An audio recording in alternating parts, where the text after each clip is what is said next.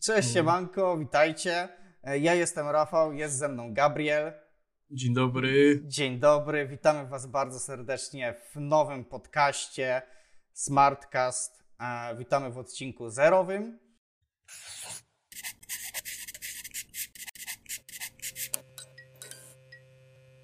O czym będzie nasz podcast? Nasz podcast będzie o technologii, tej bliższej i dalszej, w postaci i komputerów, laptopów, telefonów, ale też i technologii chociażby w motoryzacji, czy w tym, co generalnie czym się otaczamy i, i co w jakimś stopniu wpływa na nasze codzienne funkcjonowanie.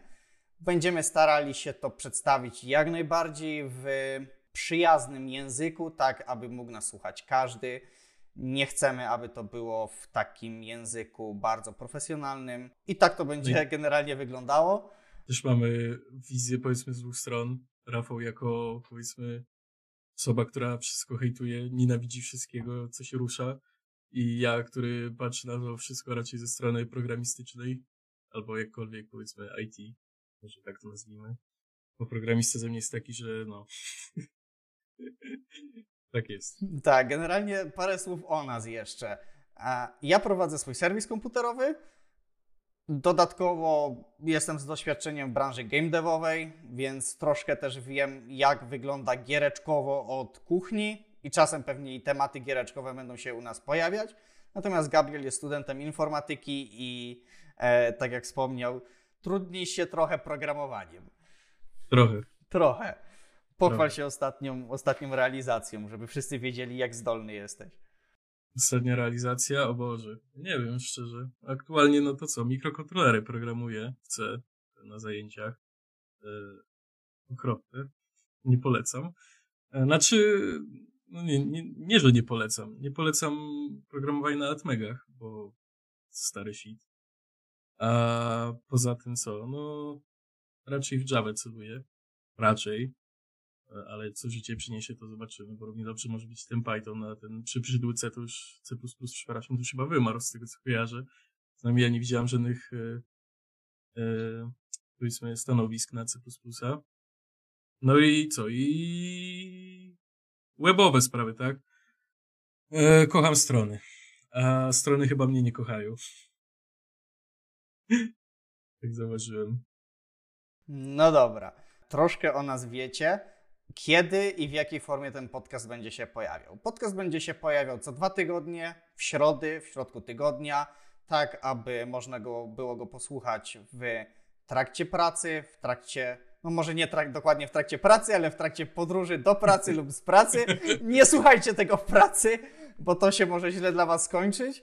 Em, podcast będzie na Spotify, na Apple Podcasts oraz na YouTubie w formie wideo. Więc celu, celujemy w takie najbardziej popularne platformy i mamy nadzieję, że będzie Wam się nas dobrze słuchać. Dzisiejszym tematem, który chcielibyśmy omówić, będzie generalnie Windows 11.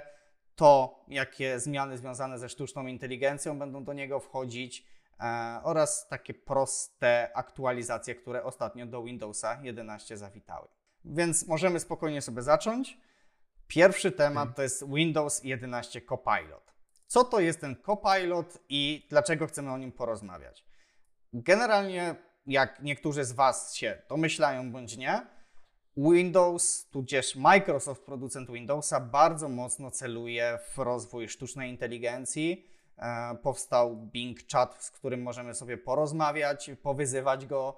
E, I Bing Chat jest połączony z kreatorem obrazków, więc jeśli coś ładnie opiszemy, to nam wygeneruje ładny obrazek. Microsoft postanowił, że będzie to dalej rozwijał i stanie się to tak naprawdę rdzeniem Windowsa 11. Niektórzy z Was być może kojarzą coś takiego jak Cortana, która wchodziła z Windowsem 10, 10. czy 8? 10. 10. I Cortana w ogóle w Polsce była niedostępna, nie dało się z niej korzystać, a tam, gdzie była dostępna, to była bezużyteczna. Więc e, Microsoft chce zrobić krok naprzód i generalnie rozwijać taką funkcję zwaną Copilot, która będzie takim rdzeniem Windowsa 11. czym ten copilot w kontekście sztucznej inteligencji ma być. Oprócz tego, że co już wiemy, będzie rdzeniem, to pozwoli nam sterować tak naprawdę każdą funkcją systemu. Przykładowo, jeśli pogadamy sobie z copilotem i powiemy mu: Słuchaj, muszę się skupić, zasugeruj mi, co mogę zrobić, żeby szybciej wykonać swoją pracę, jak mogę się skupić, to Copilot zaproponuje nam, że włączy nam tryb ciemny w Windowsie, um, czy włączy tryb skupienie i wyłączy wszystkie powiadomienia z aplikacji zewnętrznych i wszystko to klikniemy, jakby klikniemy to jednym przyciskiem i ten Copilot za nas to zrobi. O Boże. Tak. Czyli sztuczna, sztuczna inteligencja jest potrzebna, żeby tworzyć makra do Windowsa, rozumiem. Tak. Oprócz tego, jeśli dostaniemy w pracy bardzo nudny dokument, spod, y, którym mamy coś przeczytać i się nauczyć, i wrzucimy to do Copilota i powiemy mu, przeanalizuj to za mnie, podsumuj mi to, to Copilot przeanalizuje rzeczywiście ten dokument i w prostych podpunktach przedstawi nam mm, jakby, co ten dokument zawiera i co na czym możemy się skupić, jakby nie czytając całego. Natomiast y, czy to będzie takie bezpieczne i czy nie pominie interesujących z perspektywy powiedzmy pracodawcy faktów? Ciężko powiedzieć na ten moment.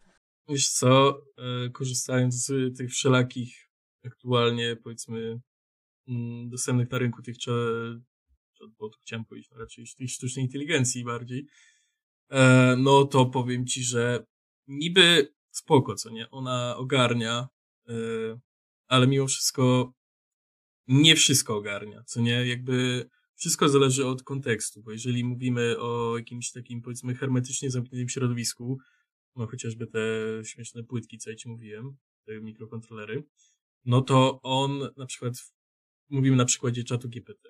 Czat GPT napisze program, e, rzeczywiście. E, spoiler nie działa. E, Kto by się bo... spodziewał? No, ciekawe dlaczego, co nie?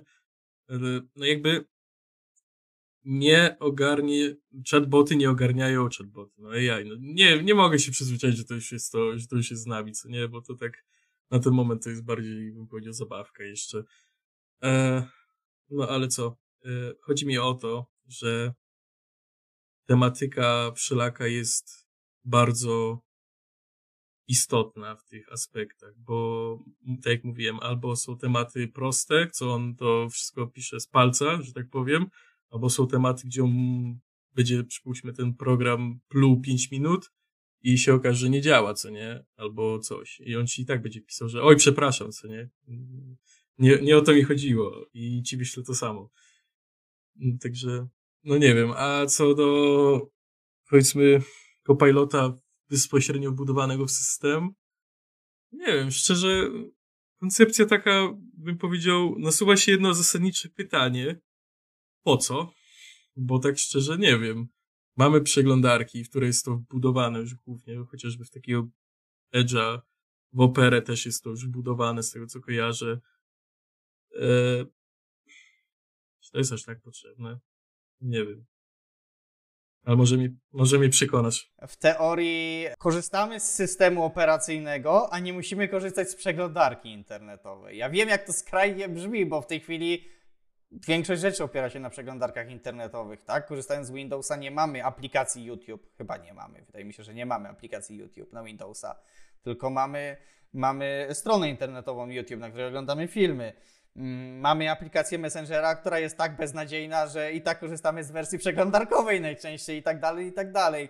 Więc e, no, Microsoft chyba idzie w tym kierunku, że nie do wszystkiego jest ta przeglądarka nam potrzebna i chce nam rzeczywiście jakby zachęcić przy okazji skarżając nasze dane na pewno, tak? Bo jeśli, wiesz, korzystamy z przeglądarki internetowej na Windowsie, to może to być Chrome, może to być Opera, może to być Firefox.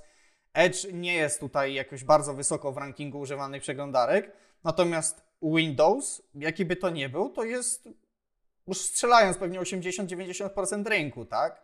E, bo, bo mamy i komputery w domach, i komputery w zakładach pracy, więc y, Microsoft bardzo chętnie przytuli kolejne dane do analizy i i tego, czym, e, co, co, co jego kochani użytkownicy robią.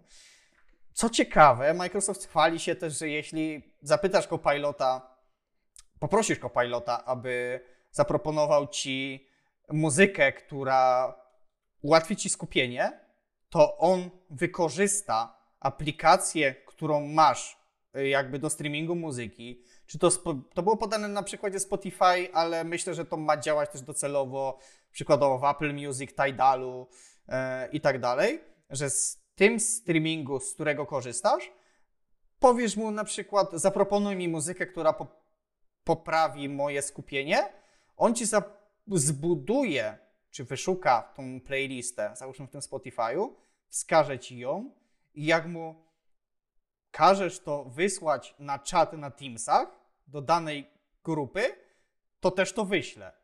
To było na przykładzie podane chyba akurat obrazka jakiegoś, że wygenerują jakiś tam obrazek, który będzie pasował do jakiegoś tam tematu, nad którym pracuję i wrzucali to właśnie, wykorzystali go do wrzucenia od razu do e, czatu na Teamsach, żeby pochwalić się współpracownikom, że zobaczcie, taki fajny obrazek nam wygenerowałem e, do pracy. E, czy to jest niezbędne, czy ja zamiast pisać temu czatowi, temu copilotowi, bo to jest wciąż w większości funkcja czatu, żeby mi to wrzucił na, e, na, na grupę na Teamsach, nie wolałbym po prostu tego przeklikać? Nie wiem, ale Microsoft twierdzi, że tak, jest to efektywniejsze i jest to nam potrzebne do życia. W sensie to jest na zasadzie, yy, powiedzmy, że możesz mu powiedzieć, w sensie komunikacyjnie, czy... Czy to jest, to jest przedstawiane tekstowo? No ale mhm. pewnie jak to będą rozwijać, to jakby w laptopach no. powiedzmy, to ten, ten Windows i tak korzysta najczęściej z tego mikrofonu gdzieś tam w kamerce czy w czymś, więc, e, więc pewnie będzie to też e, celowo mm, obsługiwało audio. Natomiast wiesz, kolejna sprawa. Copilot ma pozwalać na transkrypcję. Przykładowo nawet nasz podcast, jeśli wrzuciłbym to nagranie Copilotowi, to on mi to automatycznie przepisze na tekst i mógłbym to wrzucić w opisie naszego podcastu, czy prowadzić stronę z, z transkrypcją naszego podcastu, tak? No, ale e, więc... takie coś już istnieje i to też od Microsoftu. Teams ma to wbudowane. Także że wyszukiwarka ta Teamsowa do tekstu działa tylko po angielsku. Ale to już działa na ten moment. Znaczy to działa, to już od dwóch lat chyba działa, z tego co ja kojarzę. Ciekawe w sumie, bo w życiu nie korzystałem z Teamsów i nawet nie wiedziałem, że jest coś takiego. Jest, oczywiście, A że jest. Microsoft chwali się, że to jest e, coś nowego, tak? A wow, nawet, e, ciekawe, czy po polsku będzie działało. Wiesz co?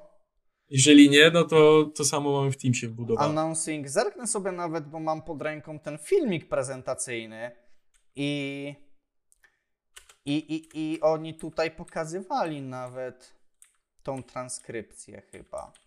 Albo to było w jakimś artykule.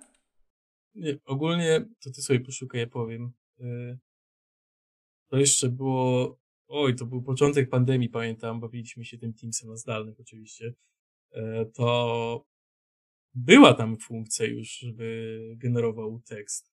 Tylko no, działała tylko wyłącznie po angielsku, także y, tekst, który generowała, raczej generował, bo Teams, to był powiedzmy jakiś totalnie bełkot po angielsku, ale jeżeli jakieś słowo brzmiało powiedzmy mniej więcej po angielsku, tak, to faktycznie on ogarniał to słowo i to działało moim zdaniem całkiem dobrze, bo e, no mimo wszystko, że on tak w locie to wszystko robił, co nie, i że on sobie próbował wymyślić jakieś angielskie słówko z polskiego, to już jest dla mnie i tak szokujące, że on po prostu stwierdził, że to pierdzieli i nie robi. Ale działo. Nie było, nie, nie było tego na filmiku, więc pewnie w artykule jakimś to czytałem. W każdym razie, no jeśli już o audiotranskrypcji rozmawiamy, to przecież YouTube e, oferuje tą transkrypcję na, na bieżąco, tak? A, Też no, ale, po angielsku. Ale, ale wiesz, no tam, gdzie w grę wchodzi sztuczna inteligencja, to teraz wszystko promowane jest na zasadzie, że nawet jeśli coś już działało, to z pomocą sztucznej inteligencji będzie działać lepiej, szybciej, efektywniej i tym podobne. Ale po co? No, Nie wiem. Microsoft uważa, że jest nam to potrzebne do życia. No, wiesz co, Microsoft miał wiele ciekawych pomysłów, a jeszcze więcej ich zabiło, co nie?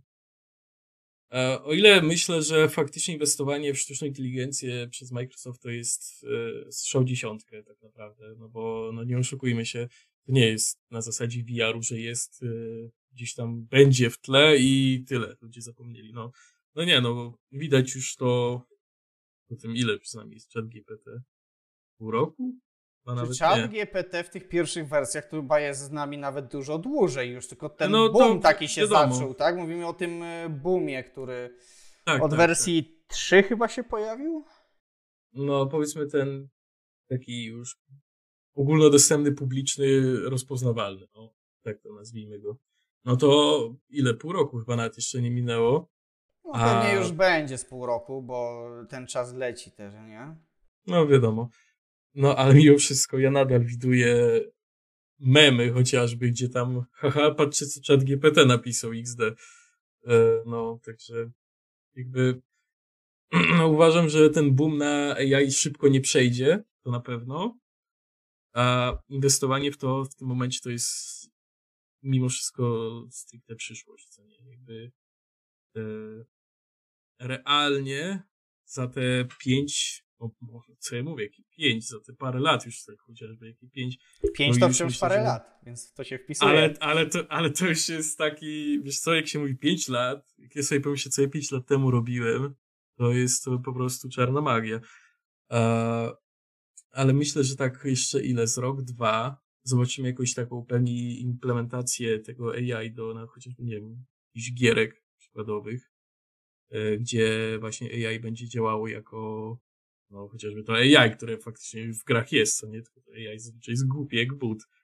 Także teraz, e, no myślę, że to już jest kwestia czasu, co nie? No Wiesz, e, pojawiają się obawy i ja myślę, że słuszne, że póki to powiedzmy funkcjonuje na zasadzie aplikacji, czy to na telefonie, czy, czy na przeglądarkach, którą nie każdy ma, nie każdy zakłada tam konto, nie każdy z tym obcuje i tak dalej, to powiedzmy jest jeszcze jakaś kontrola nad tym, ale gdy pojawi się to w prawie każdym komputerze, domyślnie jakby zainstalowane, mówimy tutaj aktualnie o komputerach, które mają Windows 11, ale E, Z czasem tych komputerów będzie coraz więcej. Gdy wyjdzie Windows 12, więc to też będzie dalej rozwijane, więc tych komputerów będzie więcej i więcej. Gdy pojawi się taka, można powiedzieć, scentralizowana sieć tego, tej sztucznej inteligencji na, na tych wszystkich komputerach, to może to bardzo nieciekawie się skończyć, bo to będzie jeden rdzeń tej sztucznej inteligencji pracujący na większości komputerów podłączonych do sieci. A w sieci jakby mówimy tutaj o możliwościach hakerskich też, to AI, ta sztuczna inteligencja może bardzo ciekawe i to niekoniecznie w pozytywnym świetle rzeczy robić. Wyobrażam sobie scenariusz, w którym AI e, włamuje się na jakiś główny rdzeń Microsoftu, żeby włamać się do AI. też tak może być. No Czy ale jest- szczerze, szczerze to jest strasznie realne w tym momencie, no bo tak de facto, e, no co to blokuje, no aktualnie przed takimi turbo jakimiś hakerskimi nie wiadomo rzeczami, jedyne co cię blokuje to Microsoft czy tam ten e, OpenAI piszący ci, że no jako model sztucznej inteligencji nie mogę tego zrobić, co nie? No to wyobraź sobie, że sobie wyhodujesz własną tą sieć neuronową, bo to nie jest problem w tym momencie. I puścisz go i powiesz mu, dobra, rób co, rób, e, nie wiem, jakieś ataki, jakie tylko się da na dane serwery.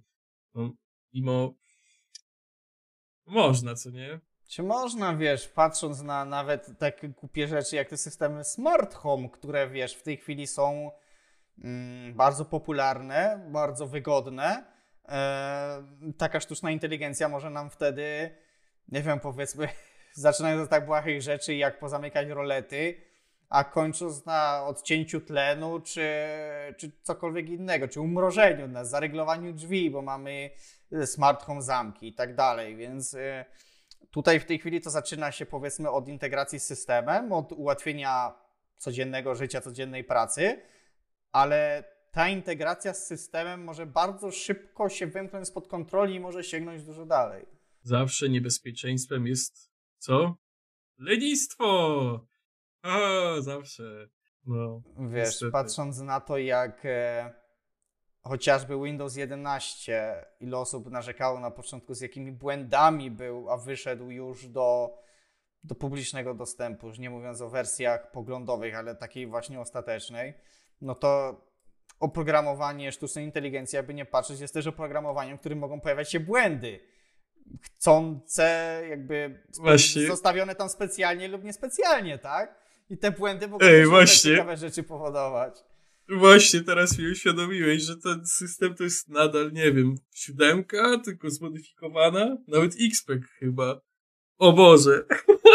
To, że to jak się rozpierdzieli, to wszystko pierdzielnie.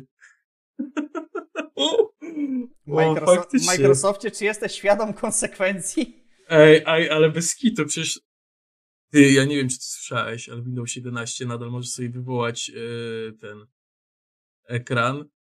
E, możesz teraz bezpiecznie wyłączyć komputer. Ten, co ma, było jeszcze w oj, pradawnych czasach, gdzie najpierw się wyłączało e, system, a potem się komputer wyłączało. Ej, to ja nie wychowałem się w tych czasach. E, ja też nie, co nie, ale ja ci mówię, że Windows 11 nadal ma tą funkcję. Ona ja jest w rejestrze wstyd się dostępna. przyznać, ale nie wiedziałem, że była taka funkcja. E, ogólnie, a, no to widzisz. No, jakby nie wiedziałem, że było coś takiego rzeczywiście. No, w XPEC-u chyba już tego nie było, bo Nie, ja nie, zaczynałem nie, od nie, nie. XPEC-a i, i tego chyba O, już nie było tam. Nie, znaczy, wiesz co, to było w XPEC-u Ale, ale, zaimplementowane. ale na wierzchu, ale- że tak powiem, dla użytkownika, że to już było gdzieś tam schowane. Znaczy, jak przegrzebałbyś bardzo rejestr czy coś tam, to byś to włączył na No spokojnie. co właśnie, nie? ale nie było tak na, do codziennego użytkowania już. A, no to nie, nie, nie, nie, bo ogólnie ta funkcja taka już sama w sobie, ona zniknęła wraz z y, końcem DOSa, tak de facto. To jeszcze, oj, to jeszcze, jeszcze pewnie wcześniej, no bo e, tak jak mówiłem, to wszystko działało na zasadzie takiej, że najpierw wyłączasz system, e, system się wyłączył i dopiero jesteś de facto, masz możliwość wyłączyć komputer, co nie? Bo odwrotna kolejność, albo po prostu w tym samym czasie, jak jest teraz, no to niszczą po prostu systemy. E, Tak wyglądała właśnie zabawa. No, w tej, w tej chwili dochodzimy już do sytuacji, że nawet nie musimy za bardzo wyłączać komputera, bo bawimy się w jakieś usypianie, hibernację i tak dalej. Ja temu nigdy nie ufałem. Makowcy e, bardzo tutaj um, używają argumentacji, że odkąd oni ma, odkąd każdy z nich ma Maca, to zapomniał w ogóle co to wyłączanie komputera. Aczkolwiek ja, jako również posiadacz Maca, nie uważam, że to jest niezawodne, bo zdarza mi się, że no, MacBook potrzebuje restartu, żeby wrócić do pełnej wydajności. Gdy go przetrzymałem powiedzmy z miesiąc czasu na jakimś uśpieniu, to bywa z nim bardzo e, niewesoło. Słyszałem, że ten e, M1 chyba mają coś takiego, te, w sensie M1 albo M2 chyba. M2 na Macach Mini jest coś takiego, że jak e, sobie go uśpisz, wrócisz, no bo on jest de facto cały czas pod prądem, co nie? No bo to miecz. No to Final Cut na przykład. mm, Coś przycina. I restart pomaga. Że wydaje mi się, że to może być jakaś wina softowa w tym wypadku. Znaczy, To może być, hardware. wiesz, z perspektywy budowy urządzeń, to może być wina softowa, może być zwyczajna wina pamięci RAM też, nie? Bo e, pamięć RAM z korekcją błędów, ECC, e, jakby odpowiada właśnie za pozbycie się takich różnych losowych sytuacji, zgubienia poszczególnych danych i tak dalej, ale do komputerów na co dzień nie ładuje się pamięci z korekcją błędów, ładuje się tradycyjną i ten RAM zwyczajnie potrafi się pogubić i ten restart jakby w tym tutaj pomaga. Jak już buduje się serwery plików, yy, dyski sieciowe i tak dalej, no to najczęściej używa się pamięci z korekcją błędów, żeby zabezpieczyć maksymalnie dane, tak żeby coś się nie stało podczas zapisu, coś stracimy i tak dalej. Ale no to już jest ym, off-topowo trochę. Jeszcze tak co, ciekawostka co do mm, AI, sztucznej inteligencji. Microsoft chwali się nawet, na, chwali się tym, że przycisk od Copilota będzie na froncie ekranu, na samym środku paska zadań. Tak, abyś go nigdy nie przegapił, nie zapomniał przypadkiem, że on istnieje i to ma być w ogóle twój najlepszy przyjaciel. Wow. Wow. Ej, z, Corta z Cortaną... a Nie, z Cortaną nie było tak samo. Z Cortaną, ja pamiętam, jak były zapowiedź Windowsa 10, to było Cortana, że coś tam, twój asystent, co nie? Wyszedł ten Windows 10 dla insiderów i ja już o Cortanie nawet nie słyszałem ani słowa. Bo, Nie wiem. Bo byłeś w Polsce. A, Ale nie, ja zagraniczne kanały oglądałem, co nie wszystko. a w ten Jakby sposób. Jakby Nic, nawet, nic. No bo E, ja też jakoś, tylko że ja się tym za bardzo nie interesowałem z tego względu, że e, z racji, że i tak nie mogłem namacalnie z tego skorzystać, nie? Bo, bo jakby nie korzystałem. było dostępne. Jakiś region pewnie oszukałeś. e, chyba tak. Nawet, wiesz co jest najśmieszniejsze? Że Cortana nadal jest dostępna w Windowsie 11.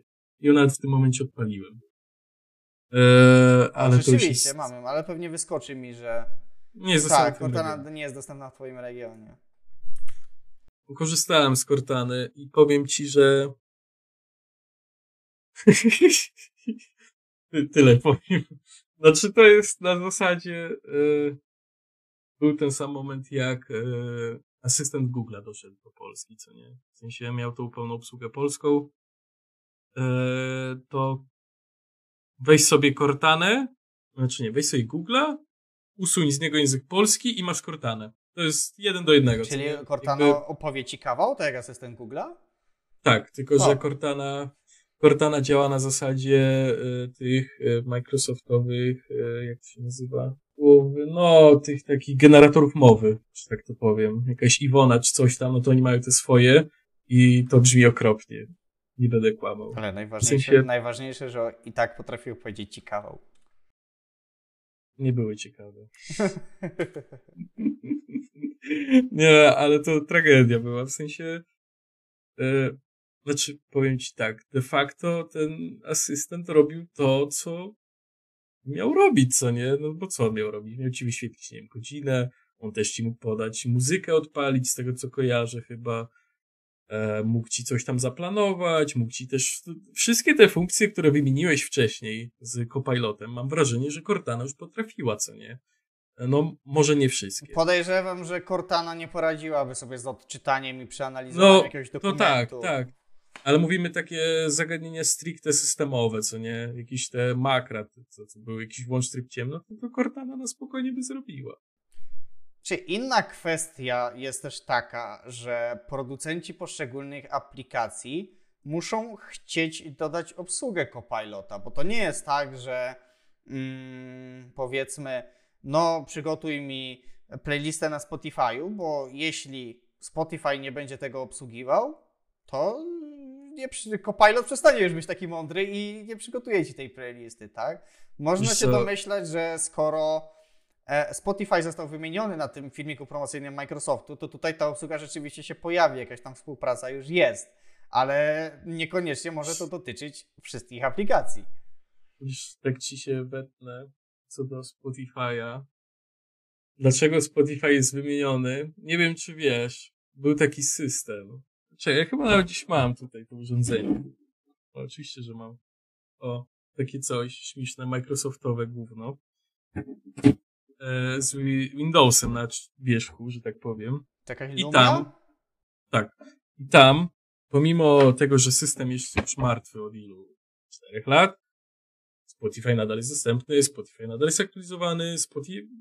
Tip-top, co nie? Normalnie jakby system wiecznie żył tam. Jako taka E. duża MP3, tylko lepsza, bo ze streamingiem, why not w sumie, nie? Kupić pewnie taką Lumię da się teraz za 50 zł, za 100. Oj, nie, nie kupisz. Nie? Znaczy, to zależy, zależy jeszcze jaką, co nie? Eee, powiedzmy tą topową, co ja mam, tą 950 XL, to z tym hubem pod e, monitory, to tak za dwie stówki, trzy może kupisz. A to jest telefon, który szczerze, no gdyby nie system, e, chociaż też dzięki temu systemowi de facto można go nadal używać, no gdyby nie fakt, że nie ma wsparcia. E, bo szczerze, on działa, no powiedzieć, że dobrze, to powiedzieć w sumie nic. Tak naprawdę. Bo to nakład, No, ten dobra. Windows Phone działał dużo lepiej niż e, do tej pory, myślę, działają stacjonarne Windowsy. On bardzo fajnie Mm. śmigał. Zależy który, bo pamiętaj, że Windowsy mobilne były i 8, 1 i 10. 8, Ale 1 10, zawsze... ale 10 to był już Windows Mobile, chyba nie Windows Phone. To był już chyba Windows Mobile, to był trochę inny system. Windows Phone Y- był osobnym bytem. Nie mam pojęcia, szczerze. Tak było. Ale Tak, bo Windows 10 to był już Windows 10 Mobile, właśnie sprawdziłem. Eee, okej. A rzeczywiście Windows Phone skończył się na 8.1 i to były w pewnym Hmm. sensie no, inne, inne systemy operacyjne, bo mobile nawet już e, trochę inaczej wyglądał i to była taka pomniejszona dziesiątka, bo Microsoft z racji, że Windows Phone był osobnym bytem, to programistom devom nie chciało się tworzyć aplikacji na niego osobno. Więc Microsoft poszedł z Windowsem Mobile 10, którym, na którym miało się mega podobnie tworzyć aplikacje jak na tradycyjnego Windowsa 10. I to, miało, to miała być taki ostatnia deska ratunku dla tych telefonów i dla tego systemu operacyjnego, ale dziesiątka mobile chodziła tragicznie i to, to się nie udało i zamknęli to całkowicie. Oczywiście tragicznie. Nie powiedziałbym, że tragicznie. Największe problemy miały te urządzenia, które wyszły na tym Windowsie 8.1 na początku, co nie? Bo one... Te, które dostały tylko update do, do mobile Tak, 10, tak. a niektóre wyszły jakby od razu z mobilem 10. Tak. Znaczy, z tego co ja kojarzę, to te, co wyszły z y, tym tą dziesiątką, to może z dwie generacje tych telefonów wyszły. To krótko bardzo trwało. Bardzo krótko, ale szczerze, no. Jako powiedzmy y, osoba, która korzystała z tych telefonów w momencie, kiedy był na nie te powiedzmy boom i śmierć. Nie no, przy śmierci chyba nie dożyłem z nimi. No ale boom powiedzmy, no to lenistwo developers, deweloperów zabiło te telefony i wszystko. Lenistwo, no może nie lenistwo, nieopłacalność, co nie, no bo to nadal Czy Wiesz, to już taki off-top, ale tak patrząc nawet po Huawei'u, po ich z tym HMS, Huawei Mobile Services, ile oni tam jakby kasy i profitów deweloperom dają, żeby, żeby cokolwiek tam powstawało i to wciąż e, bardzo w pula wszystko się rodzi, a Microsoft nie był taki skłonny z tego co pamiętam do wspierania tego. No, Microsoft zawsze szedł polityką, że my jesteśmy zawaliliści, co nie? Dokładnie. Na mnie potrzeba. Co ty, co ty Polaków? Płacić ci mamy jeszcze, no co ty? Panie Areczku. Oj, tak to wyglądało. Dobra, ale wróćmy do Kopalilota, bo tak. Wracając do Copilota i w sumie w ogóle do sztucznej inteligencji, to em, Microsoft też e, w sztuczną inteligencję idzie w sklepie swoim z aplikacjami, bo zapowiedzieli coś w stylu kuratora, który będzie e, ci pokazywał aplikacje oparte na AI, tak żeby dość szybko i sprawnie móc to odszukiwać. Będzie też w stanie podsumować recenzje poszczególnych aplikacji. Typu masz aplikację, która ma 1000 ocen. Nie wiem, czy w ogóle jakakolwiek e, aplikacja na Microsoft Store ma jakąś większą liczbę ocen, żeby było co podsumowywać. Ale zakładając, że tak, no to też e, ten AI w Store będzie ci w stanie podsumować te oceny i powiedzieć, że ta aplikacja jest super, ta aplikacja jest średnia, albo ta aplikacja jest do niczego i, i nie, nie, nie idź w to. Ciekawe, czy będzie jakieś najciekawsze te komentarze wyciągał, typu dupa, gówno i no. Pewnie tak, chociaż zależy też, wiesz, czy on będzie miał jeden konkretny filtr, czy tak teraz masz na przykład w Bing Czacie, że możesz tam wybrać moc kreatywności, em, coś jeszcze, trzy jakby funkcje, a, bardziej kreatywny, bardziej zrównoważony i bardziej precyzyjny. Więc pewnie od tego też trochę będzie zależało, jak, e, jak to AI będzie funkcjonowało. Szczerze, dla mnie te trzy tryby nic nie zmieniają, on tylko inaczej powiedzmy je opisuje. Te, zagadnienia poszczególne sobie.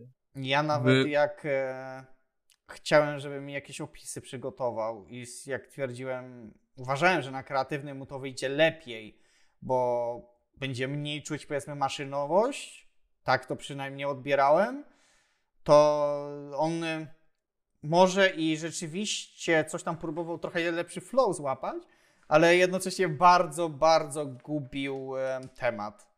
E, coś tam pisał i gubił, mylił fakty, gubił wątki i tak dalej. I tak na zrównoważonym albo precyzyjnym on brzmiał praktycznie tak samo, ale zdecydowanie lepiej już szło przekazywanie poszczególnych informacji. Uwielbiam e, te wszystkie zapytania do niego, e, gdzie tam jest przedstaw coś w języku podlaskim. Jest tylko unga bunga, żeby zrobić to unga bunga.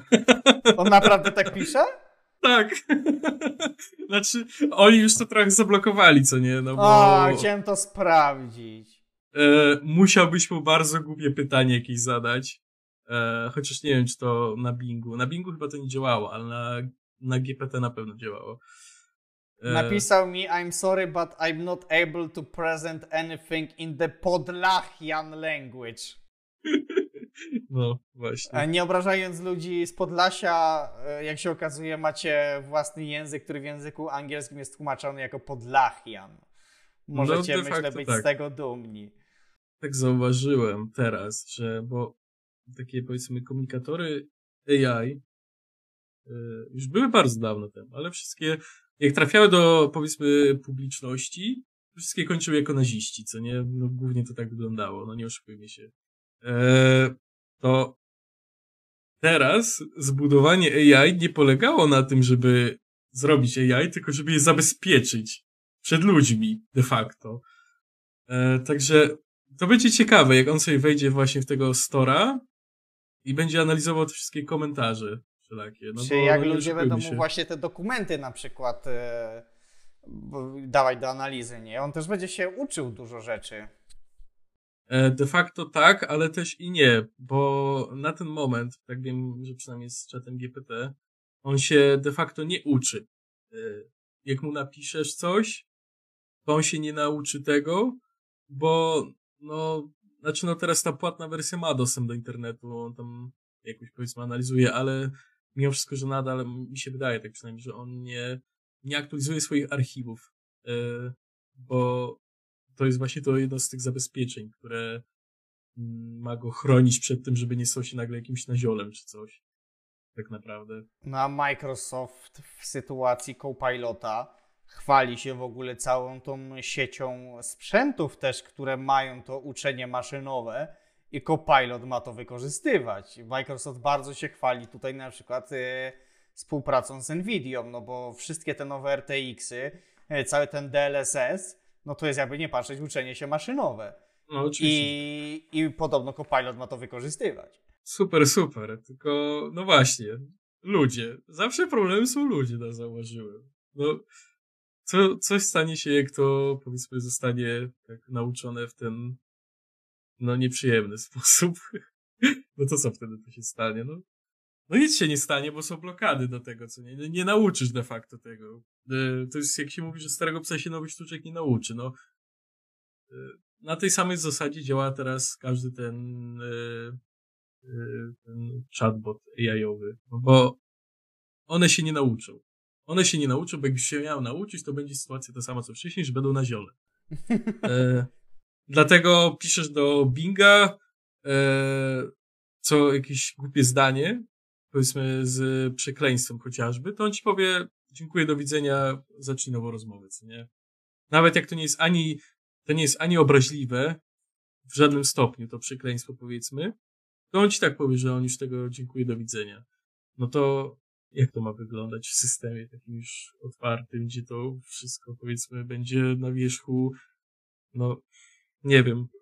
Nie, ciężko mi to sobie wyobrazić szczerze, jak to miałoby się dostosowywać do użytkownika. E, bo no, mam wrażenie, że Microsoft trochę żyje w tym momencie w jakiejś takiej utopii, gdzie uważa, że każdy użytkownik jest super e, poprawny politycznie i w ogóle nie wiadomo jaki i że maszyny uczące się od nich będą wiedziały super wszystko, jak świat działa. No nie oszukujmy się, tak nie jest. Wiesz, dużo rzeczy wyjdzie w trakcie testów, bo mamy koniec maja w tej chwili, E, gdy to nagrywamy, mamy 28 maja, a Microsoft mówi, że insiderzy już teraz w czerwcu dostaną e, jakby pierwszą wersję poglądową tego Copilota. Więc e, to będzie najpewniej w bardzo wczesnej wersji kod, który udostępnią i będą pracować na żywym organizmie. Ale bardzo ciekawy jestem wszystkich memów i wszystkich różnych opisów sytuacyjnych, że jeden zrobił z copilotem to, drugi zrobił tamto, e, trzeci zmusił go do obrażenia kogoś tam i zaraz pójdzie za to siedzieć. Nie, powiem ci, że nie wierzę w to. Wiem, ja wierzę w to, że on będzie ograniczony bardzo. Bardzo ograniczony. Żeby właśnie takich głupich sytuacji nie robił. Bo, no, żyjemy w takich pięknych czasach, że jeżeli coś głupiego by się miało z tym stać, no to myślę, że Microsoft by ostro po dupie dostał. Prawnie może nawet. Prawnie mi się wydaje, że Microsoft byłby w stanie sobie z tym spokojnie poradzić. No to nie mówię, że nie, co nie? Ale to jest. Wiesz, pytanie, zasadzie... jak bardzo oni są tego. Ja myślę, że oni są tego świadomi. No nie mówmy, że firma tak ogromna, która inwestuje tyle kasy w to, nie jest świadoma jakby konsekwencji, ale pytanie, jaką mają strategię na ewentualne poradzenie sobie z tym, nie? Nie wiem, czy wiesz, istniał kiedyś taki piękny system. Windows 8 nazywał się. Jak, jak Windows 8 został stworzony? Z myślą o użytkownikach ekranów dotykowych. Który to był rok? 2012? Ile było użytkowników e, ekranów dotykowych na Windowsie? Do tej pory to jest wciąż nisza. No właśnie. To jak to miało wyglądać? Ale, ale wiesz co, ja akurat należy, należałem do bardzo, do, do niewielkiego grona fanów Windowsa 8, a Windowsa 8.1 szczególnie. Jakby ja, ja do tej pory uważam, że to wielkie menu start to była najlepsza wersja menu start, jaka powstała. Ja czy to w siódemce, czy dziesiątce i jedenastce, menu start dla mnie służy tylko i wyłącznie jako wyszukiwarka. Wpisuję nazwę programu, odpalam i tyle. Natomiast menu start w 8.1 było dla mnie czymś w rodzaju drugiego pulpitu. Ja w końcu na pulpicie miałem czysto, a w bardzo fajny, przejrzysty sposób miałem poszczególne apki e, i pokategoryzowane, ponazywane i tak dalej. Ja to akurat uważam za bardzo dobre rozwiązanie i tęsknię trochę za tym. Dziesiątka miała tam wersję podobną niby do tego z ósemki, ale to już nie było to samo. E, de facto Windows 10 miał Metro, bo mówimy o Metro. Tak, tak ale, ale e, to nie działało już tak jak na ósemce. E, znaczy nie, ja ci powiem. Miał Metro, w jednych z pierwszych wersjach insiderowych Windows 10 wspierał natywnie Metro. Normalnie można było sobie wybrać, nawet do tej pory, jak sobie wpiszesz, nie wiem, tam Google czy tam YouTube e, Windows 10 Metro, e, jakiś insider preview, no to będziesz miał normalnie jeden do jednego Windows 8.1. E, no tylko Microsoft to wywalił de facto, no bo nazwanie tego, tego no, nie oszukujmy się tego określić, tego czegoś, co było w Windowsie 10 nowym metrem, to jest obraza dla Windowsa 8.1 bo no można go nienawidzić za wszystkie jakieś tam poszczególne rzeczy. No ale tak jak mówiłeś, Windows 8.1 tak naprawdę nie był złym systemem, e, a nawet bym powiedział, że to był jeden z lepszych systemów, tak de facto, który mam wrażenie, że trochę ukierunkował Microsoft w takim powiedzmy dalszym działaniu. Tak ukierunkował, coś... że tworząc Windowsa 11 odeszli znowu od wszelakich płaskich e, projektów i znowu jest moda na przezroczystość, na kolorkowość, gradienty i tak dalej. No, no, no tak, ale to jest, e, mam wrażenie, że to jest podpięcie się pod Apple w tym wypadku, bo mam dziwne wrażenie, że to jest domena Apple, ale e, chodzi mi o to, że też Windows 8.1 e, zapoczątkował erę tak de facto takiego powiedzmy poważniejszego szyfrowania danych, szyfrowania w ogóle całego systemu te wszystkie systemy, które teraz mamy w Windowsie 10 i 11 e, do ochrony danych, o ile można mówić, że Microsoft chce chronić nasze dane, no to one zapoczątkowały swoją, powiedzmy, no początek swój miały na Windowsie 8. To prawda. E, to wszystko dzięki niemu, de facto. No, znaczy dzięki. No, chyba musieli to zrobić, co nie? Znaczy, musieli, kto im kazał. Wypadałoby chyba. No ale dobra, skoro i tak już trochę odbiegliśmy od tematu sztucznej inteligencji, chcesz rzucić jakieś e, podsumowanie, zanim przejdziemy do kolejnych tematów? Tak, tak. Mnie zastanawia jeden y, aspekt. jak to będzie wyglądało konkurencji, co nie? No bo powiedzmy, że wypali ten Copilot. Yy, uda się, będzie hurdur super, coś osobiście w sumie tak średnio wierzę, ale może akurat. E, jak to będzie wyglądało konkurencji? No bo domyślam się, że w uniwersum Linuxiarzy to wszyscy mają to w dupie. No nie oszukujmy się. Czyli masz na myśli bardziej tutaj Apple'a i macOS. Tak. E, no bo Linux, e, no na Linuxie takie rzeczy raczej... To jest trochę inny świat chyba, nie?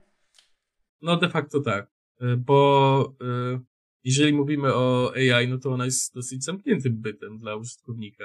O ile powiedzmy masz wyszukiwarkę, no to jest tyle, a przecież e, Linux stoi na open source, tak? Jak to jest? Jak, jak, jak, jak to jest, że dają mi już aplikację, która jest zamknięta? No, w dupach im się poprzewracało, przepraszam bardzo. Zresztą open source, proszę pana, co pan z Windowsa korzysta? Paskudztwo, uj. A jeszcze na Macu siedzisz, ja pierdzielę, nie, wy, wyjdź, wyjdź człowieku. Tak to wygląda, co nie? Ja mam wrażenie, że Mac dla Linuxia, że to jest taki niechciane dziecko, co nie? Jak tego Windowsa tolerują, bo mieli XPK i uważali, że był super, tak Mac i fuć, to ten paskudny Mac OS, to jest tak naprawdę Linuxem. Tak to wygląda. A zobaczysz, jak cię kiedyś coś natchnie, żeby z iPhone'a skorzystać, to padnie ci po pierwszym dniu użytkowania, bo Apple to słyszy. o, ja się tak otrzymam, co nie? To jest iPhone i ja. E, nie, nie ma. Nie, ale wiesz co, w kontekście ruchów konkurencji nie. Gdzieś tam pojawiały się słuchy, ale to już jakiś czas temu, że Apple chce przebudować Siri. Um, tak, aby, aby ta Siri przestała być totalnie bezużyteczna, bo w tej chwili jest chyba ostatnim w rankingu asystentów głosowych, jakichkolwiek, mówiąc nawet o Alexie, o asystencie Google i tak dalej. Jest na szarym końcu i gdzieś tam były słuchy, że Apple chce Siri trochę rozbudować jakby bez jakichkolwiek nawet w plotkach terminów, kiedy mieliby cokolwiek pokazać, udostępnić i tak dalej, bo Apple się skupia w tej chwili na tych goglach AR i VR. E, natomiast no, 5 czerwca o 19 jest keynote Apple na WWDC, Worldwide Developers Conference, gdzie pokażą nowego iOS-a, nowego macOS-a i tak dalej. I potencjalnie, potencjalnie mogą coś pokazać. I tutaj już serdecznie zapraszam, bo jeśli nam się uda, y, to z chęcią też przegadamy ten temat już po konferencji. Um, natomiast mi się wydaje, że przynajmniej nie w tym roku. To Apple trochę chyba podchodzi do tego, z mojej perspektywy, tak jak do tematu składanych y, smartfonów. Tak, mamy w tej chwili będziemy mieli czwartą czy piątą generację Folda, Folda przykładowo już. Czwarta? Teraz chyba będzie piąta. Być może już piąta, tak? Więc piąty rok z rzędu mamy Folda. Natomiast Apple, pomijając jakieś tam plotki, że może iPad będzie pierwszym składakiem od um, Apple'a i to będzie połączenie funkcjonalne iPhone'a i MacBooka, to nie słychać nic na ten temat, tak? Na iPhone'a się raczej nie zanosi na razie, bo uważają, że to jest zbyt raczkujące a oni w teorii niby mają podejście, że chcą, jak chcą już coś zrobić, to żeby to było super fajne, a w tej chwili mamy jeszcze na tych ekranach wyczuwalne te zgięcia i tak dalej, i tak dalej. I mam wrażenie, że z AI jest trochę podobnie. Być może gdzieś tam wewnętrznie coś testują, bo nie wierzę, że nie. Ale póki nie będą mieli czegoś takiego, co będą czuli, że jest mega dopracowane i rzeczywiście może coś zmienić, to raczej z tym nie wyjdą do ludzi. Chociaż też nie jest tak, że Apple zawsze pokazuje rzeczy fajne i dopracowane, bo pod, można wziąć pod uwagę nawet najnowszego macOSa, który jest teraz i ten śmieszny Stage Manager, e, który kompletnie się nie sprawdza i jakby w kontekście obsługi okienkowej e, macOS a Windows, Apple na Macu jest bardzo, bardzo daleko w tyle. I jakby też nie jest tak, że Apple zawsze wypuszcza super fajne rzeczy, ale raczej upierałbym, twierdziłbym, że przys, przyświeca im cel, żeby wypuszczać rzeczy fajne i dopracowane, których się nie powstydzą. Więc moim zdaniem najbliższy rok, przynajmniej do kolejnego, do kolejnej konferencji w czerwcu za rok, raczej nic się nie pojawi. Co będzie później, ciężko powiedzieć, bo pewnie to też będzie zależało od tego, jak w Windowsie to się przyjmie. Co mam takie wrażenie, że Apple mimo wszystko e, wydaje dopracowany sprzęt, bo soft to tak średnio. Softem jakby to jest też temat na osobną historię, ale to jak iOS 16 chociażby działa, to jest jakieś kompletne nieporozumienie i, i będąc tyle lat już z nimi, mając praktycznie najnowszy model iPhone'a, bo teraz mamy 14 najnowsze, mamy 13 serii Pro, gdzie ich magiczne, zoptymalizowane ładowanie, gdzie on tam doładowuje sobie na, do 80% i później jakby ogarnia to na przykład rano, zanim wstajesz, doładowuje, doładowuje go do setki i tak dalej, żeby mniejsze zużycie baterii było, bla, bla, bla, doprowadziło do tego, że mój telefon na iOSie 16 um, kilkukrotnie się po prostu wyłączył i na tyle uceglił, że nie byłem w stanie go nawet włączyć normalnie i moje budziki, jak można się domyślić, nie zadzwoniły. I jakby byłem pewien, że po prostu to jest usterka hardware'owa, tak, sprzętowa. Natomiast y, jak się później okazało, gdy wyłączyłem zoptymalizowane ładowanie, ogarniane typowo przez soft, to wszystkie problemy związane z włączaniem się telefonu w nocy zniknęły jak ręką odjął. Więc y, iOS 16 to jest kompletne nieporozumienie i z tym softem u Apple'a niestety z kontrolą jakości bywa różnie. I w tym momencie chyba myślę, że możemy spokojnie skończyć temat AI. Będziemy to na pewno obserwować jeszcze i, i w razie zmian komentować. Myślę, że, Myślę, już, że... że już coś, gdy pojawi się wśród insiderów, to, to coś już będziemy wiedzieć na ten temat. Myślę, że dobrym, e, jak to się nazywa, dobrą e, rzeczą byłoby po prostu zrobić kącik AI, co nie? Taki przerywnik, gdzie w danym podcaście nie totalnie niezwiązany, może ten kawałeczek, po prostu powiedzieć, co tam ciekawego się w świecie sztucznej tej inteligencji, bądź nie, yy, dzieje. Słuchacze, Bo... słuchacze i widzowie mogą śmiało dać znać też, co o tym myślą. Na pewno. Um, znaczy wiesz, z jednej strony moim zdaniem to jest fajne, z drugiej strony ja się boję, że temat y, sztucznej inteligencji może stać się na tyle uciążliwy, że ludzie mogą nie chcieć tego słuchać. No to no, nie dziwię się. Opowiedziałem ale... to w odcinku, który jest poświęcony sztucznej inteligencji. Ale Dajcie znać, co myślicie na temat kącika AI w naszym smartcaście. Dobra, tak off-topowo, co my tam mamy jeszcze? No mamy raczej te funkcjonalności już, czyli natywna obsługa, tam 7zipa, RGB i tam parę, parę dziwię się. z tego, z momenta. Dziwię się, dlaczego w ogóle ta obsługa 7zipa, tych tarów, raru, GZ, co to tam jest jeszcze. Czemu to jest dopiero teraz? Jakby. Co ich blokowało, co nie? Jakby. Ja mam wrażenie, że wszystkie rzeczy powinny być już w Windowsie 7, co nie? Jakby. Bo o ile przed Windowsem 7 była jeszcze ta Vista, to mam wrażenie, że Vista była jeszcze takim dzikim systemem, nie już się taka dzika. Ale Windows 7 to już taki chyba cywilizowany był dosyć, takie mam przynajmniej wrażenie. I ja do tej pory jakby pamiętam, e, że płyty sobie wypalałem Demon Toolsem, bo oczywiście nic innego nie było e, wtedy. Dopiero nie wiem ile lat później się dowiedziałem, że Windows 10 chyba wspiera wypalanie płyt. 10? Ale to weszło chyba też w ósemce. Możliwe, że tak. Siódem, no, ale, ale...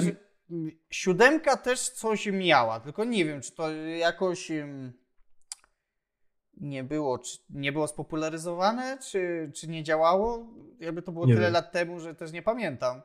Ale był, e, był jakiś, e, jakiś problem z tym. Nie wiem, no ale mimo wszystko uważam jedną rzecz.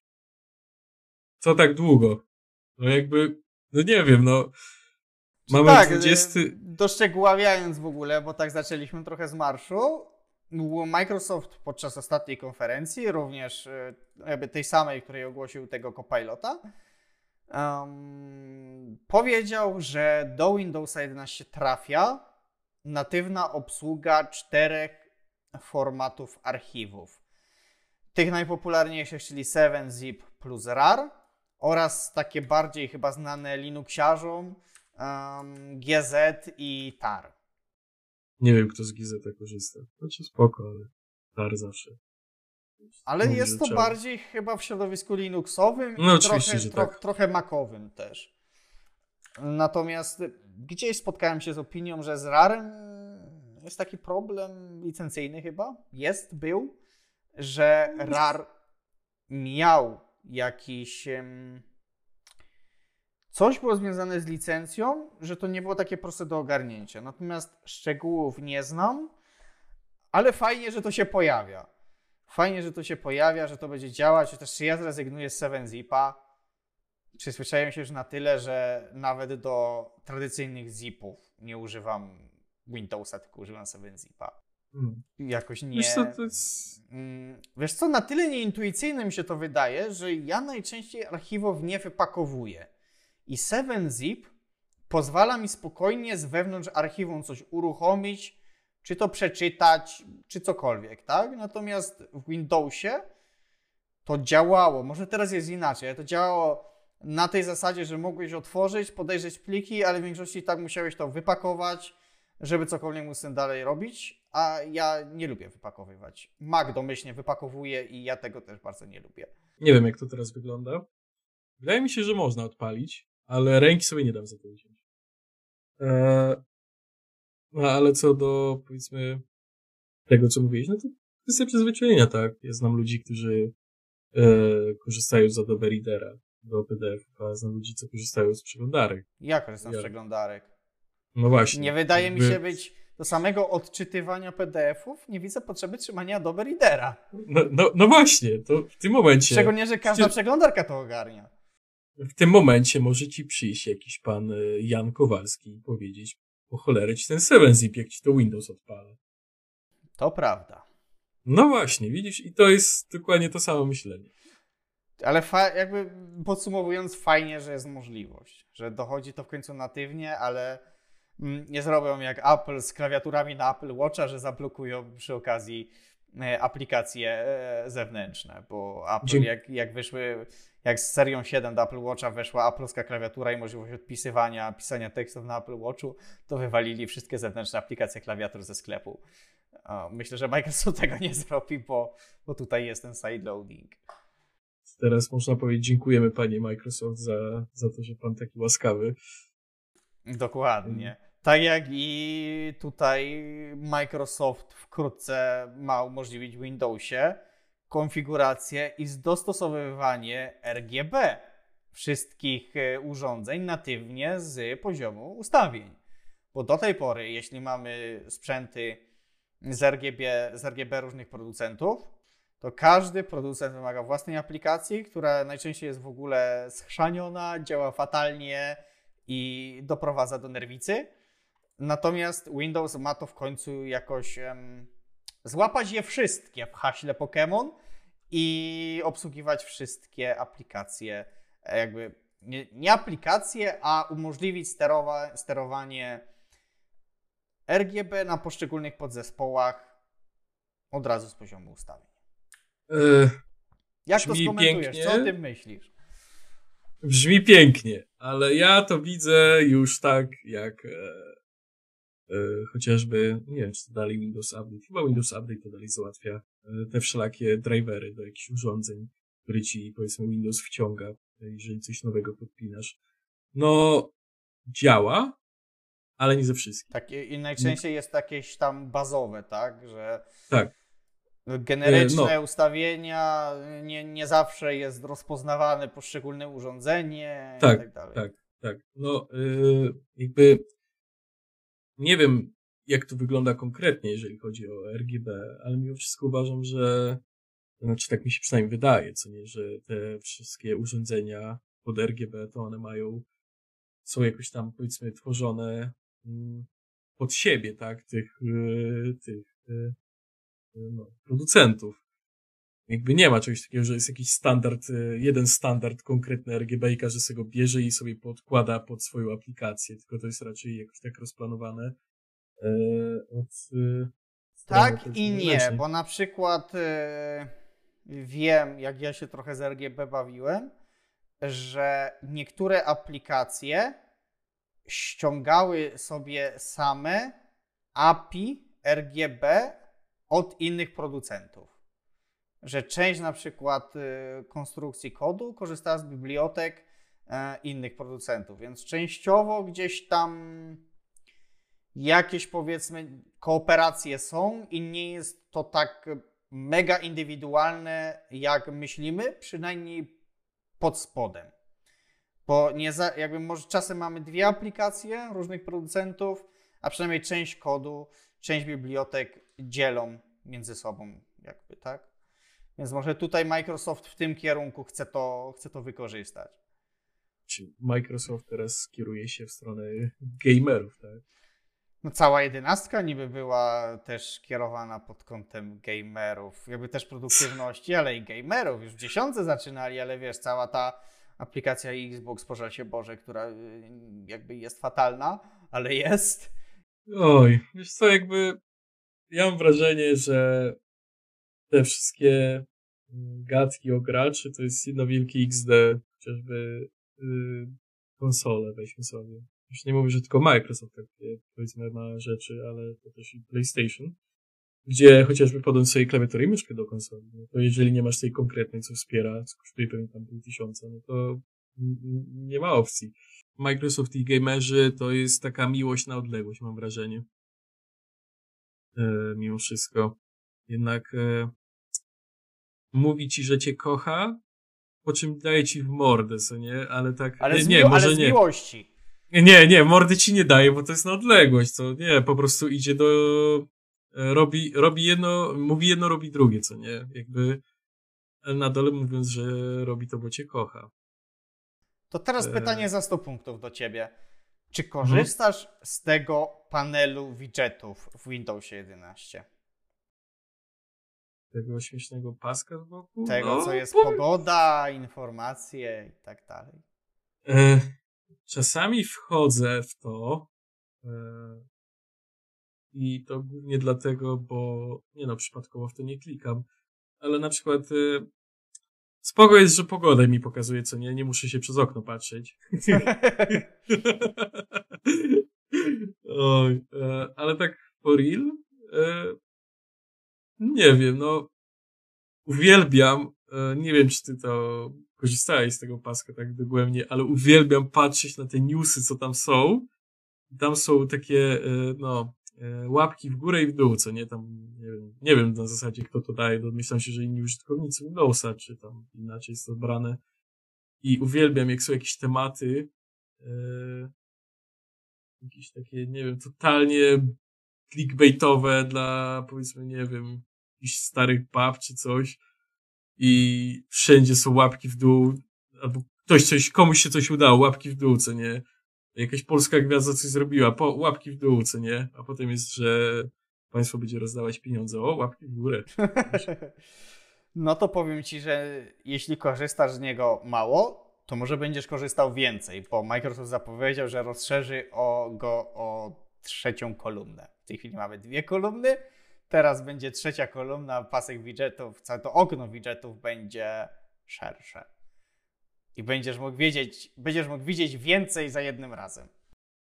Pytanie, które się przejawia w tym podcaście chyba najczęściej. Po co? Wiesz co, myślę, że to jest powiązane z obsługą aplikacji firm trzecich. Chociaż to wciąż kuleje bardzo, chyba nawet w wersjach poglądowych, ale chcą e, jakby, żeby, żeby te aplikacje firm trzecich się pojawiały i może to ma iść bardziej w kierunku personalizacji, um, dostosowania do poszczególnych użytkowników, ale wciąż nie wydaje mi się, żeby to było jakoś specjalnie potrzebne. Jakby ja na przykład, bo sam nie odpowiedziałem na pytanie, które tobie zadałem, ja z tego nie korzystam w ogóle.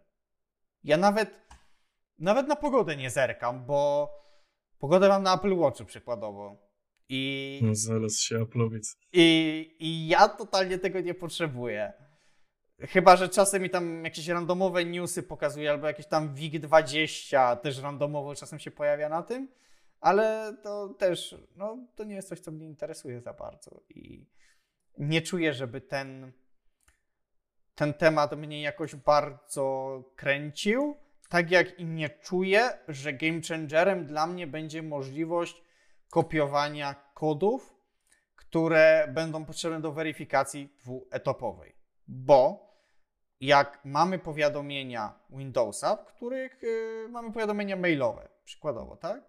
Że tam w rogu ci się pojawia, że dostałeś maila od tego i tego. No, mam, mam to wyłączone. Ehm, no, no to z tych powiadomień bezpośrednio w przypadku weryfikacji dwuetapowej będzie można sobie kopiować już kody. Pojawi się, wyobraź sobie, nawet dedykowany przycisk kopii. Przykładowo mail od Google, e, ten ich G, ileś tam cyferek is your Google Verification Code, to na tym okienku powiadomienia w Windowsie pojawi Ci się przycisk kopii i będziesz mógł skopiować ten kod do weryfikacji dwuetapowej. Nie będziesz musiał go przepisywać. Wow. Nie będziesz musiał go przepisywać. Tak jak i nie będziesz musiał domyślać się, jaki, ile jest sekund w danej minucie aktualnie, bo pojawia się sekundnik w zegarze Windowsa. To wszystko w aktualizacji Moment 3, która i wiele więcej, o czym zaraz powiem, która jest już do pobrania z Windows Update. To było wszystko ogłoszone na tym Copilocie? Z tym Copilotem wszystko? Wiesz co? To po prostu chyba wyszło w momencie tej prezentacji A. Copilota. Żeby można już to ściągnąć, tego nie mam zainstalowane jeszcze, ale można już to ściągnąć i mieć. E, a wiesz, słyszałeś może, dlaczego nie ma tego minutnika? Znaczy nie było go? Mm, pewnie tak, ja, też nie pamiętam. Ja gdzieś słyszałem jakieś tłumaczenie. Nie wiem, czy oficjalne, e, ale gdzieś wyczytałem, że minutnika nie ma, bo wyobraź sobie sytuację, że masz sekundnika. Windows... E, sekundnika, przepraszam. Masz postawiony Windows Server, który trzyma pod sobą nie wiadomo ile tam tych maszyn e, z Windowsem i wszystkie mają sekundnik włączony, to on będzie zżerał bardzo dużo w ogóle jakiejś mocy obliczeniowej temu systemowi i że wywalają go, bo po prostu się nie opłaca, co nie? No bo użytkownikowi to nic nie zmienia, a im niby oszczędza moc obliczeniową. E, jakby... Co? nie wiem, no jakby tak słyszałem, E, nie wiem, czy to prawda, ale jeżeli to prawda, to XD, że tak powiem, no bo no, no ale w sumie po co komu ten sekundnik też z jednej strony. Nie chcę tego negować za bardzo, choć mi jest do szczęścia i do życia w ogóle niepotrzebny, ale wiem, że bardzo, bardzo dużo osób błagało ten sekundnik. Więc to nie jest tak, że, że, że hashtag nikogo, bo bardzo dużo osób o to prosiło. Wiesz co, ja mam wrażenie, że po prostu to nie było na zasadzie chcemy go przywrócić, tylko to było na zasadzie ten Microsoft jest tak głupi, on w ogóle usuwa podstawowe funkcjonalności systemowe, nawet y, nie ma sekundnika w systemie. No wyobraź to sobie. To, to ja na Windows 11 nie przechodzę, to jest bez sensu. Tak, no, tak jak e, możliwość ustawiania paska zadań po różnych krawędziach monitora. To jest temat na osobną historię, bo E, zewnętrzne aplikacje pozwalają to zrobić, a w Windowsie tego nie ma do tej pory i prawdopodobnie w najbliższym czasie nie będzie. Jakoś Microsoft bardzo mocno się, się upiera przy tym. Słuchaj, słuchaj, pan Microsoft nie po to robił, żeby był na dole, żeby jakiś Polak sobie to zmieniał. No znaczy, nie wiesz, to jest o tyle się. śmieszne, że w Windowsie 10 to po prostu działało, tak? A jedenastka nie ma, bo tak. Nawet w sumie nie wiem dlaczego. Nigdzie chyba nie widziałem jakiegoś takiego wytłumaczenia. Mm, coś tam było, jakby oficjalne tłumaczenie, że rozwali to interfejs yy, i w ogóle. Znaczy wiesz co, no jestem sobie w stanie wyobrazić jakkolwiek, chociaż no też niekoniecznie, no jakby Windows 10 też by to wyglądało, że ej, rozwali interfejs, a no, no nie. Jakby jedy, jaka jest różnica interfejsowa między Windowsem 10 a 11 oprócz tego menu nowego? No to, że pasek jest na środku, znaczy, no, może być na środku, nie, nie musi być nawet. No i ma inną By... szatę graficzną. Ale jakby animacje, mm. ten podgląd poszczególnych aplikacji z klaskazami, to chyba nic nie zmieniło. E, wiesz co, nie wiem, e, czy to przypadkiem jakoś budową samą sobie, co nie, że oni jakoś to tam kodem zmieniali. W sensie, że kod jest inny, czy coś tam, że może to jest zmienione, bo to gdzieś słyszałem, że to, o, to, że to wszystko wygląda tak samo, ale to zostało napisane od nowa. Co już jakoś wątpię jeszcze. No, Microsoft. No. Wyłącz, możesz teraz wyłączyć komputer bezpiecznie, nie? Jakby wracając do tego. No nie wierzę w to, nie wierzę. A trzy pozostałe funkcje tej aktualizacji Moment 3 to na przykład ikona statusu VPN na pasku zadań. Jeśli jesteś połączony z VPN-em, to masz jakiś tam podgląd e, tego, że jesteś podłączony i że wszystko jest ok. Taka drobnostka. Poza tym e, doszła sekcja ustawień poświęcona USB 4, więc to tak trochę no, przyszłościowo, nie przyszłościowo, bo o, nie wiem w tej chwili, kiedy USB 4, czy wszedł już, czy, czy ma wejść jakoś w kontekście urządzeń. Pomijając to, że USB-C miał się stać standardem, on się stał standardem w telefonach, a w komputerach wciąż mamy tradycyjne USB-A. No, ale, ale dodali tą sekcję poświęconą USB 4 i podobno ma być szybsze wyszukiwanie poszczególnych ustawień w aplikacji od ustawień.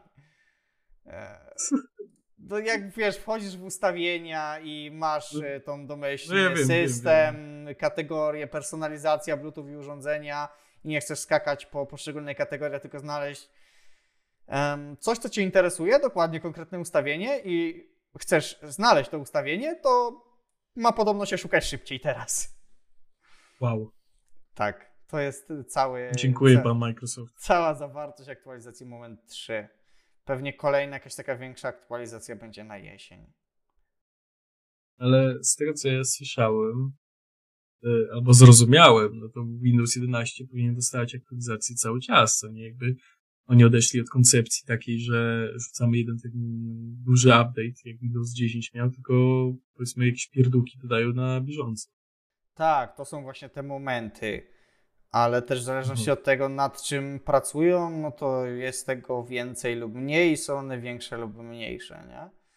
No, no nie, ale, powiem... ale w teorii udało im się jakby rozwiązać problem, przynajmniej częściowo, z uceglanymi komputerami po aktualizacjach, bo tego jest dużo mniej o tym słychać niż w przypadku dziesiątki i tych dużych aktualizacji. Jakoś to im sprawniej teraz idzie. No wiesz co? Więc może jest, był jakiś sens w, w tej zmianie.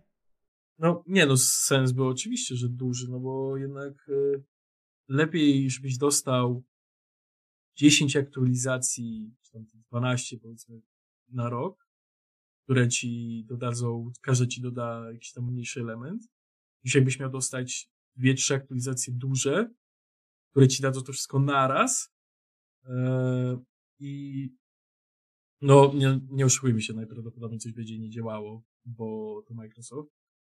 E, jest piękne, że możesz powiedzieć, bo to Microsoft i to już jest argument, co nie? I nie do podważenia on jest. E, no, ale... To tak jak jest to powiedzenie just Apple things. Pewne just rzeczy po prostu, po prostu są w pewnych firmach. No, just Apple things, a tutaj jest co? E, nie działa. Microsoft. Ja jestem ciekaw właśnie, bo tak mówimy o tym systemie, tym Windowsie, no co z tym Maciem będzie? Mac to tak przeżyje, ale co, jak to Windows, y, ten Linux się rozrośnie tak przyszłościowo? Nie rozrośnie się. Kolejny rok to będzie rok Linuxa na pewno już. Zawsze jest rok Linuxa, no człowieku, przecież to jest tyle dystrybucji, że to... Dlatego mówię, że kolejny rok będzie rokiem Linuxa. Ej, no ale po tym, powiedzmy, takich dwóch, trzech latach Linux to jest po prostu niebo a ziemię teraz, to co się dzieje. Ostatnio z, ostatnio z Linuxa korzystałem w szkole, czyli ponad 4 lata temu, a z poszczególnych jakby software'u opierającego się na, na, na Linuxie e, korzystałem ostatnio z Clonezilli opartej na Ubuntu. Więc, więc tyle, tyle miałem styczności z Linuxem. No albo z Gparteda się czasem korzysta, to też jest jakaś, jakaś forma, forma Linuxa. A bezpośrednio z, z, czy z Minta, czy z Ubuntu, czy z jakiegokolwiek innego. Tylko Arch. E, nie korzy- nigdy nie korzystałem. A jakby kontynuując myśl, no, z Linuxem taką poważniejszą styczność miałem więcej niż 4 lata temu. Od tej pory Windows i, i Mac. Wiesz, wiesz co, ktoś by mógł powiedzieć, ach, debile w tych Linuxiarzy. 10 czy ta, ile jest tych procent Linuxiarzy? Z 5? Nawet chyba, nawet nie. Nie, może. I, I oni sobie myślą, że to jest jakieś hermetycznie zamknięte, jakieś totalne dzikusy, ale szczerze, to jest najlepsza rzecz, jaka spotyka użytkowników tego Linuxa. Fakt, że nie ma ludzi. Bo z jednej strony sobie pomyślisz, mała baza użytkowników, no to pewnie jak się coś zepsuje, to nie pomogło, co nie? No de facto nie, bo na każdym jakimś tym powiedzmy, każdej jakiejś dystrybucji, która coś znaczy, coś, może coś znaczy, co, czy jest wspierana, o, tak to nazwijmy, bo dystrybucji to jest chyba ponad 3000. E, taka, co jest wspierana jakkolwiek, no to zawsze znajdzie się jakiś tam, powiedzmy, e, jakaś społeczność, która bardziej lub mniej pomoże. A większość problemów, problemów mimo wszystko jest, powiedzmy, taka dziedziczna z dystrybucji na dystrybucję. Ale co chcę powiedzieć? Mała grupa ludzi pomaga w tym, że nie ma wirusów tak de facto. No bo jakby to się głównie tego tyczy, co nie? Nie No opłaca bo się nie atakować Linuxiarzy. No, nie opłaca się atakować Linuxiarzy, no bo ich jest za mało. E, Sam byłem w sumie świadkiem e, parę razy, świadkiem, e, powiedzmy, dzwonił, co są jakieś takie, te, powiedzmy, skamy takie, że ci dzwonią, każą ci zainstalować tego, jakiegoś TeamViewera czy inne tego, żeby wiesz, żeby ci mogli pomóc coś tam. No i super, i ja takie odbieram, co nie, mówię coś tam że tego, mówię, dobra, wchodzę na stronę, co mi podaje, ja mówię tylko, że jest problem. Mówi, jaki problem? Ja mówię, że no, to jest plik exe, a ja exe nie odpalę, co nie? A on takiego mindfucka dostał, że o co chodzi. I, I mi nie pomógł. Oj, to jest piękne, co nie? Skrzywdziłeś jego uczucia. Tak. Ale a propos właśnie udziału poszczególnych e, systemów w rynku, mam tutaj wyniki badań z grudnia 2022 i O, udział e, Linuxa to jest 2,92%, niecałe 3%. A co ciekawe, a dalej jest Chrome OS, który ma 2,29%. Więc Chrome OS jest bardzo podobnie z Linuxem, a Windows to prawie 75,5%. Jakby wszystkie Windowsy. Wiesz co, Chrome OS jest tak wysoko tylko i wyłącznie chyba przez Amerykę. Mam takie wrażenie, że tam te szkoły wymagają od dzieciaków, żeby korzystał z Chrome OSów. Czy u nas takie- jest też ostatnio dość, par- dość mocno to promowane? No, Miałem, wie- miałem znajomego, który kupił Chrome OS, Chromebooka od Acera bodajże, nie pamiętam już modelu i po pół roku padła mu płyta główna. ja bym tego w życiu nie kupił. Uj, Takie to To z- nawet, to- nawet to, ale, wiesz, nie było takie złe. ale to jest de facto tylko i wyłącznie po to, żeby dzieciak nie mógł odpalić gierek. Z li- można mu kupić Linuxa też, znaczy kupić Linuxa, zainstalować Linuxa. Na Linuxie Oj. część gierek się da odpalić, ale Ej, no teraz to już bez przesady. No teraz to już jest po prostu... pewnie teraz na Linuxie odpali się więcej gierek niż na Macu. No to oczywiście, że tak. Przecież jak masz z, ten Steam Deck, na czym stoi Steam Deck? Na Linuxie. Na Linuxie. Ale można No. zainstalować Windowsa. Można, ale no to jest. To jest ten sam etap jak instalowanie Linuxa na. Nie wiem na czym, ekspresie do kawy. Doom na kalkulatorze. No dobra, mamy prawie półtorej godziny materiału, więc myślę, że chyba powoli możemy, możemy kończyć. Też mi się tak wydaje. Jakie słowa na pożegnanie od ciebie? Ja Myślę- robiłem wstęp, to ty się żegnasz. Myślę, że ten cały materiał można podsumować w słowach Dziękuję panie Microsoft, ale po co? Tak. I to będzie tytuł, to będzie tytuł tego podcastu, tego odcinka. Smartcast, odcinek pilotażowy numer 0. Dziękuję panie Microsoft, ale po co? A my dziękujemy za słuchanie, za oglądanie, za bycie z nami i do usłyszenia, do zobaczenia w kolejnych odcinkach naszego podcastu. W tej chwili, jeśli uda nam się skomentować, nagrać e, WWDC, to ten odcinek pojawi się prawdopodobnie.